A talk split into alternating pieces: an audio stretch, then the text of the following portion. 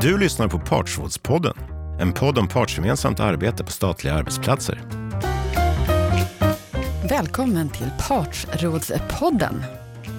Innovation och utveckling behöver inte alltid handla om användning av den senaste tekniken. Det kan lika väl handla om att innovera ett arbetssätt eller ett sätt att organisera sig.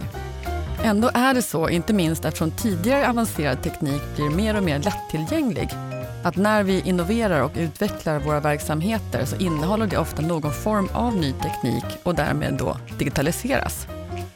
En myndighet där man verkligen brinner för det där med digitaliseringen, det är Myndigheten för digital förvaltning, eller DIGG som det förkortas. I dagens avsnitt så ska jag, Susanne Tillqvist, prata med Anna Eriksson, generaldirektör på DIGG, om just det. Innovation och digitalisering i offentlig sektor. Kul att just du hittade hit. Nu kör vi! Anna Eriksson har varit generaldirektör på DIGG lika länge som myndigheten har funnits, nämligen september 2018. Dessförinnan så hade hon även ett antal chefs och direktörspositioner på Lantmäteriet och innan dess så har hon också jobbat 20 år i privat sektor och bland annat med intelligenta hem. Varmt välkommen till Partsrådspodden, Anna! Tack så jättemycket! Mm. Eh, ja, dagens podd spelar vi in via länk då, där jag, Susanne Tillqvist, sitter i en studio och du, Anna, sitter hemma i Sundsvall. Eh, vad har ni för väder uppe i Sundsvall idag? Ja, men nu tror jag faktiskt att det har slutat regna. Det har varit så här snöblandat regn här flera dagar och inte varit så där jättemysigt direkt. Men det börjar se lite ljusare ut, så jag hoppas på det. Ja. Eh, det är svårt att undvika, tänker jag, då ändå när du är liksom generaldirektör för DIGG och hela den här enorma omvälvningen som vi har haft då i Sverige tack vare eh, corona. Så här, hur har det här under coronapandemin varit för dig? Eh, det har ju Alltså det har ju varit väldigt intressant att se hur vi förändrar vår syn på vad som går att göra och inte.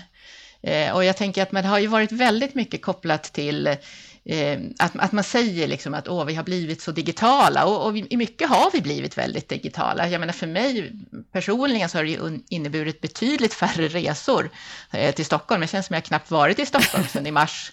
Eh, och eh, det det, för att allting går faktiskt. Det går att ha den här typen av möten väldigt mycket digitalt. Eh, och, vi kan se liksom på olika sätt att, att användningen av e-handel, eller äldres användning av, av e-handel också, eller digitala läkarbesök har ökat. Men, men samtidigt tänker jag att vi ska inte lura oss och tro att vi är så väldigt mycket mera digitala, för att det är de digitala mötena vi har blivit bättre på de digitala gränssnitten, vi har ju inte verkligen utnyttjat digitaliseringens möjligheter för att skapa ny nytta och det tycker jag fortfarande vi har kvar att göra. Mm. Och vad tänker du på då när du säger, har du några exempel på vad du skulle vilja se det just när det gäller ny nytta? Jag tänker att det handlar ju väldigt mycket med hur vi eh, ska säga, automatiserar olika flöden eller hur vi använder data för att Göra det enklare att kanske inte behöva ha kontakten överhuvudtaget med, med eh, det offentliga till exempel. Mm.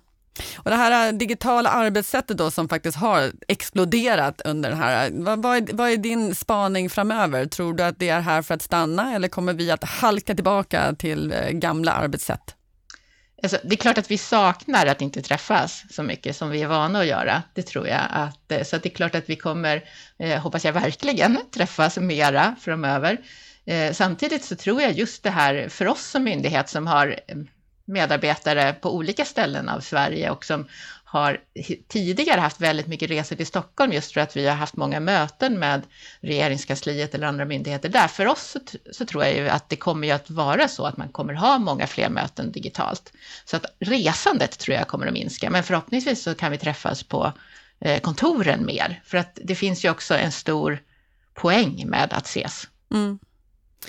Ja, spännande. Jag tänkte innan vi kommer in och pratar om det som vi faktiskt ska prata om så måste jag ändå fråga, den här förkortningen DIGG, hur kom ni på den? Liksom, var kommer den ifrån? Eh, oj, den kommer faktiskt ifrån organisationskommittén som satte upp myndigheten, så det var före min tid. I samband med att, man fattade, att regeringen fattade beslut om myndighetens namn så fattade man också beslut om förkortningen. Eh, så jag tycker att, eh, kan jag säga så här, jag tycker att den har fungerat väldigt bra. Mm. Eh, just för att den ger en en snabb, liksom, snabb association till vad vi håller på med. Ja, men det kan jag absolut hålla med om.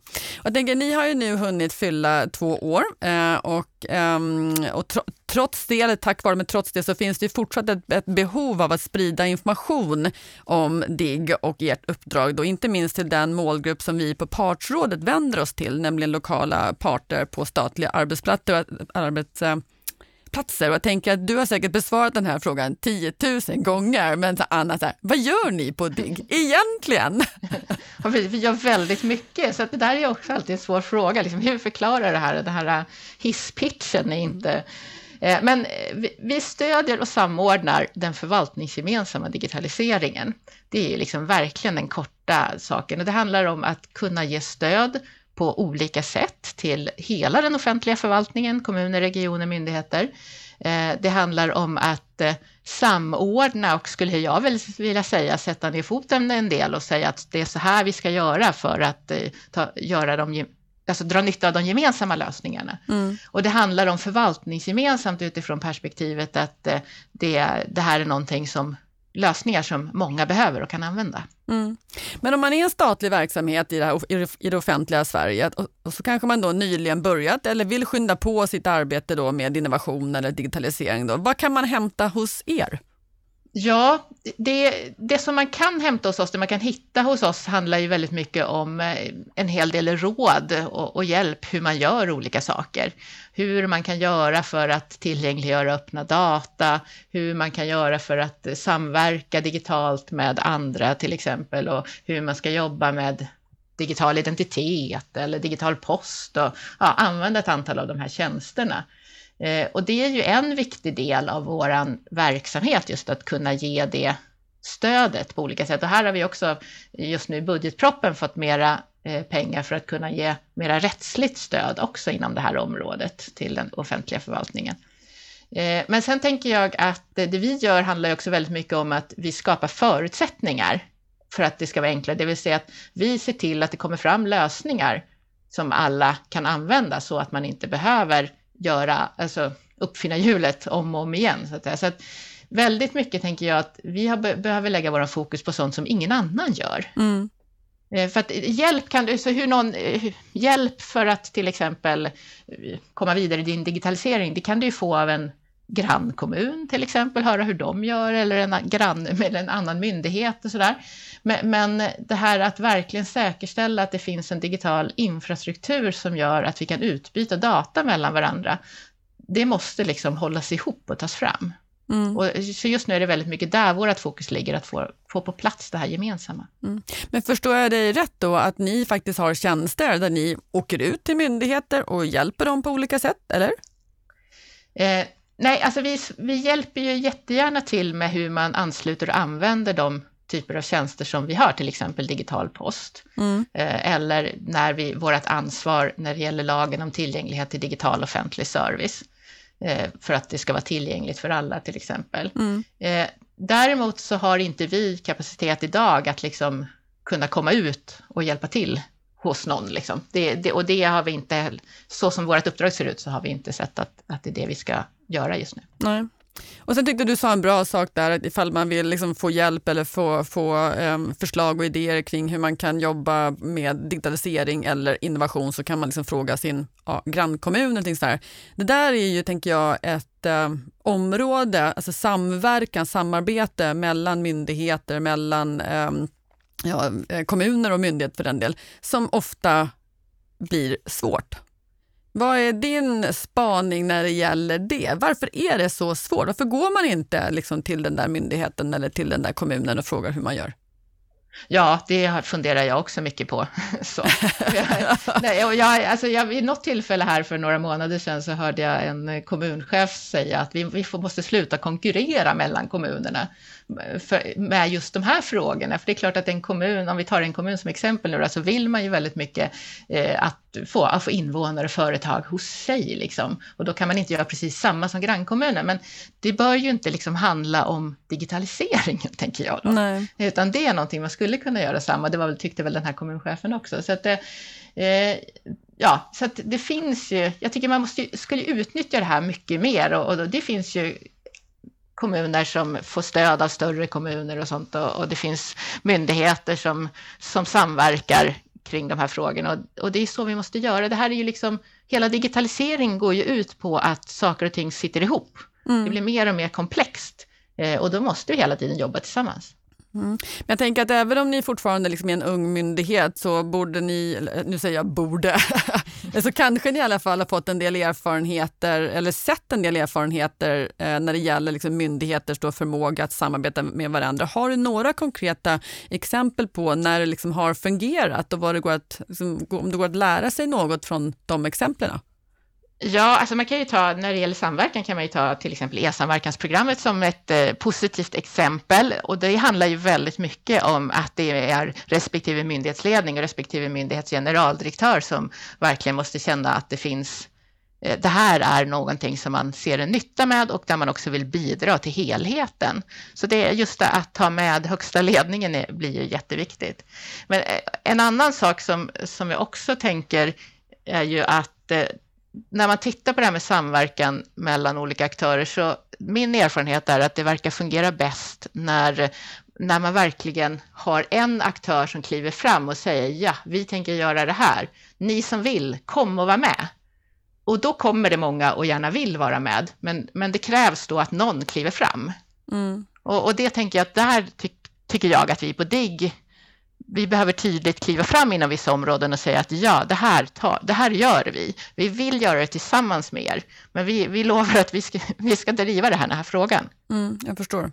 Och jag tänker lite grann att, att är, det, är det de som kliver fram, är det ofta de myndigheter som är lite större?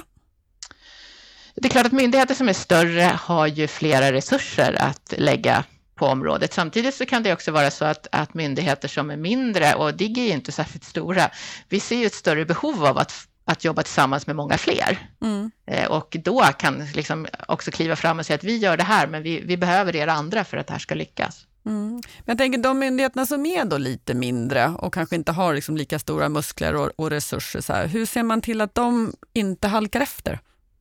Jag tror att man måste visa lite, alltså jag tror en utmaning är ju att eh, vi, att just att förstå eh, utifrån ett helhetsperspektiv att vi i Sverige, det ser inte likadant ut hos alla.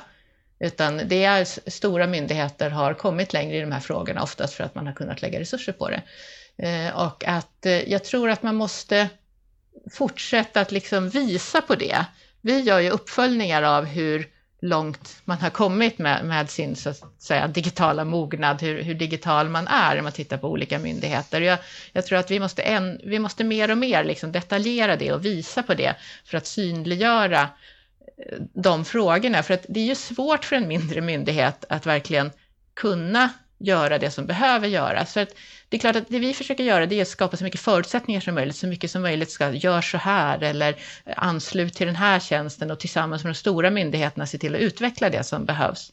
Men det är ju ändå så att man som myndighet måste utgå från sitt eget behov och sin egen verksamhet. Och det måste man ju verkligen där handlar det mycket om att man måste förstå vad är det som behöver göras, vad är det för data vi håller på med, hur skulle vi kunna göra det här på ett ännu smartare sätt? Mm. Du nämnde det här att ni, att ni gör uppföljningar och mäter då den digitala mognaden i Sverige. Hur ligger det till egentligen då med den digitala mognaden i Sverige? ja, det beror på vad man menar egentligen. Eh, så. Det finns ju väldigt många olika sätt att se det här på. ja. Eh, jag vet, eh, om man pratar om ett internationellt perspektiv så har det ju nyligen publicerats två olika undersökningar som, som handlar om Sverige, alltså den digitala mognaden i olika länder och eh, Sveriges position. Och i den ena, de kom båda ja, den här eller senaste veckan. I den ena så ligger Sverige i topp och den andra så ligger Sverige i botten.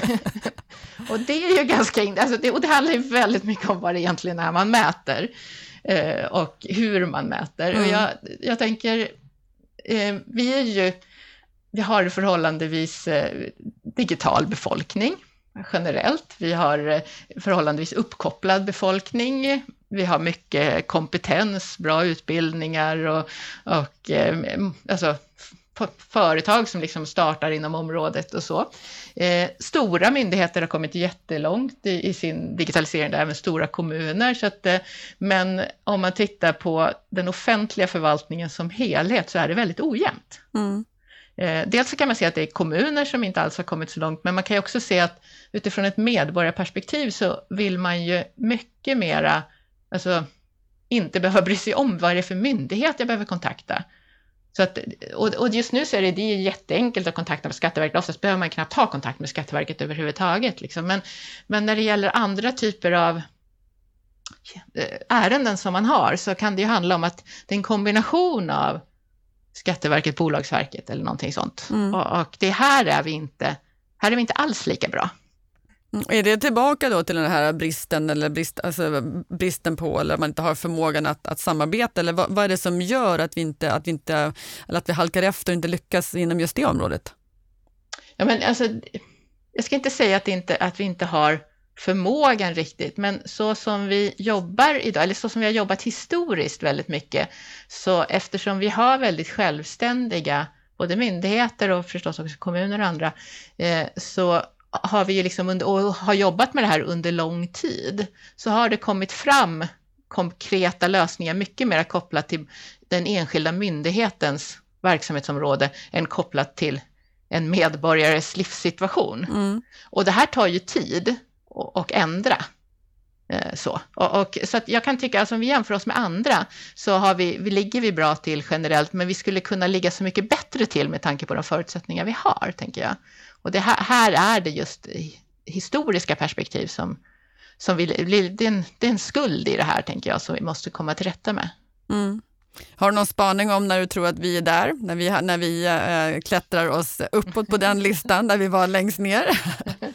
alltså, jag tänker att egentligen är det inte det är inte så svårt, tror jag, egentligen, utan jag tror att det vi behöver är ju eh, den här gemensamma plattformarna för informationsutbyte och data.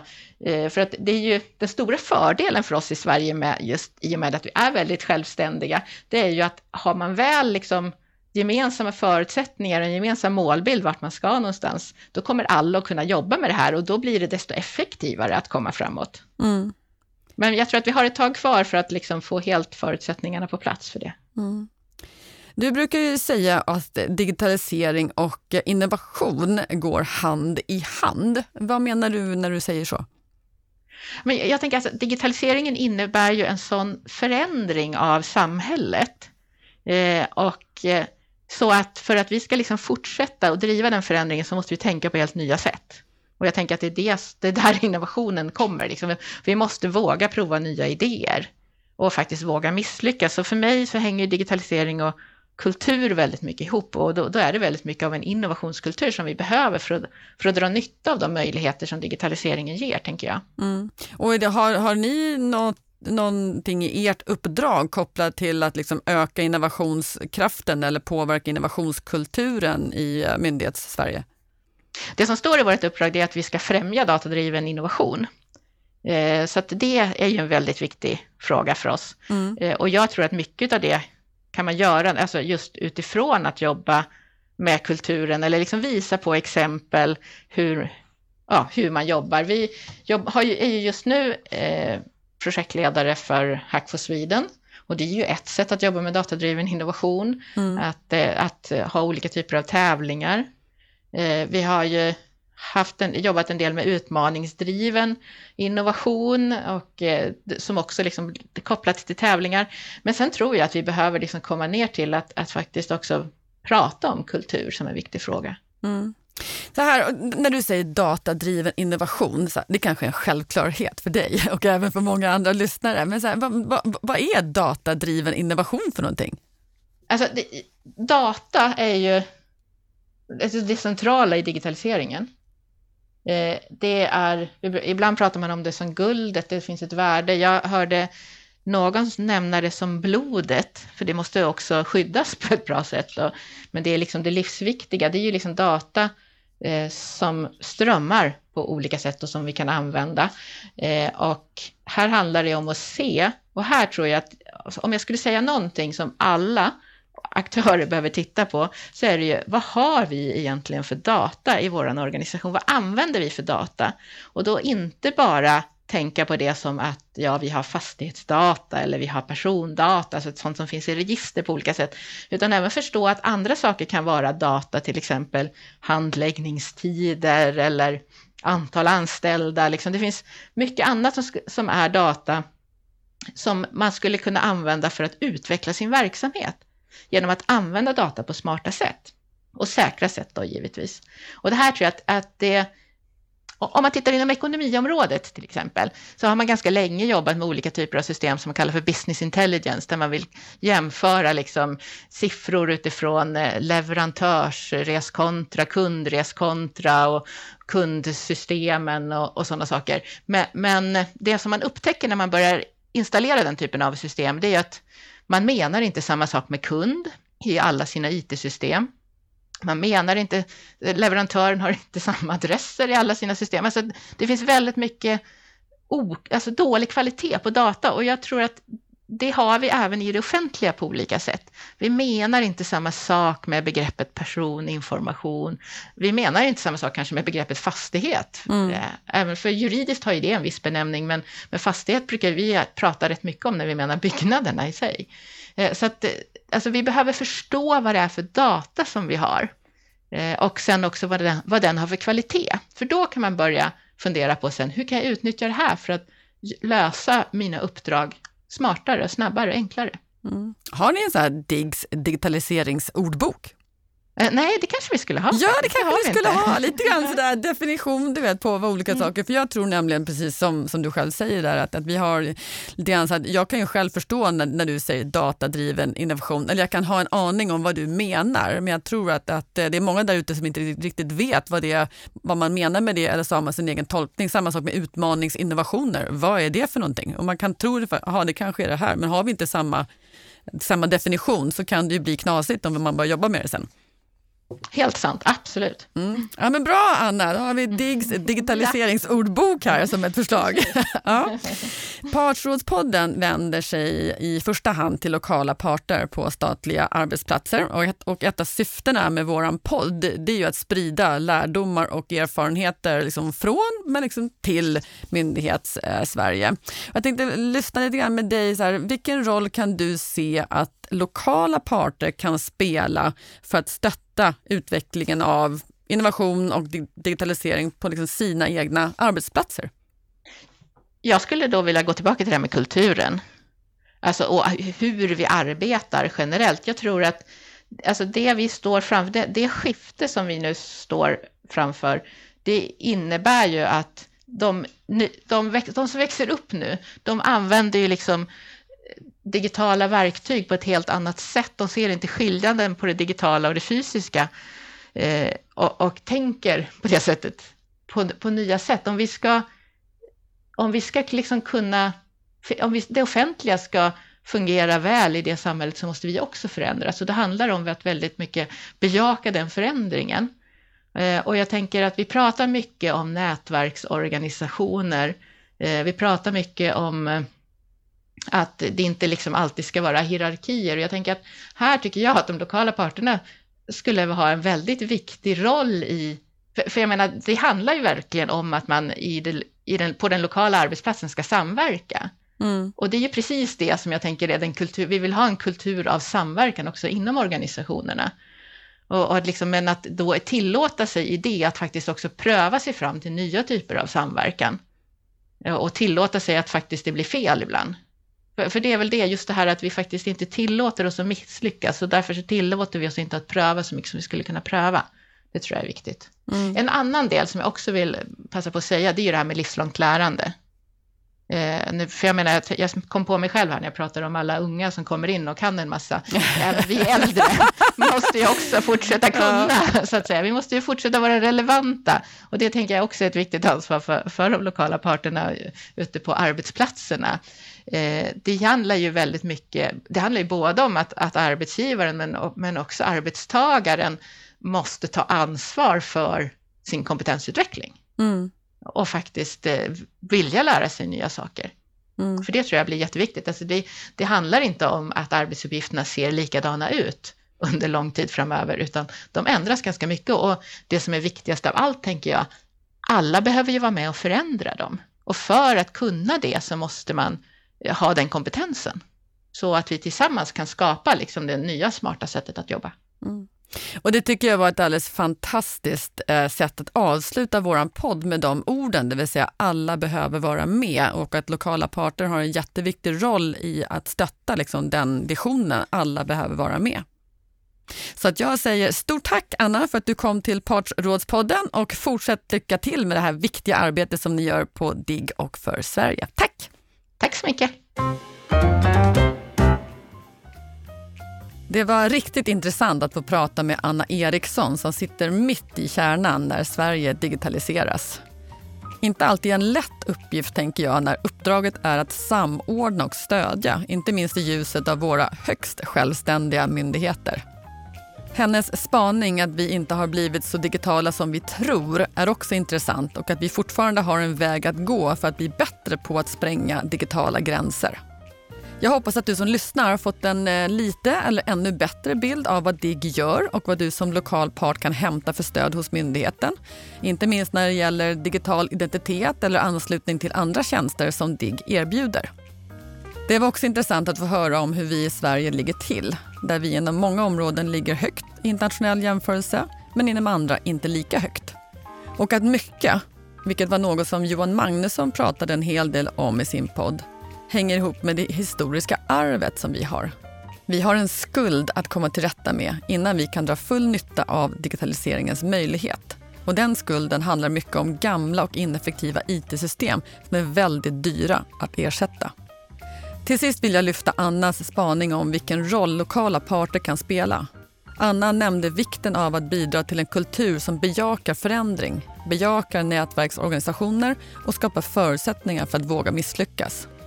Hon nämnde också vikten att verka för livslångt lärande och att stötta processer för kompetensutveckling som är så viktiga i dagens snabbrörliga värld. Så tar du som lyssnar med dig något tillbaka från den här podden så hoppas jag att det är just detta, att främja en bejakande kultur och bidra till kompetensutveckling när arbetsuppgifter ändras på den lokala arbetsplatsen. Alla måste vara med och bidra till nya smarta sätt att jobba.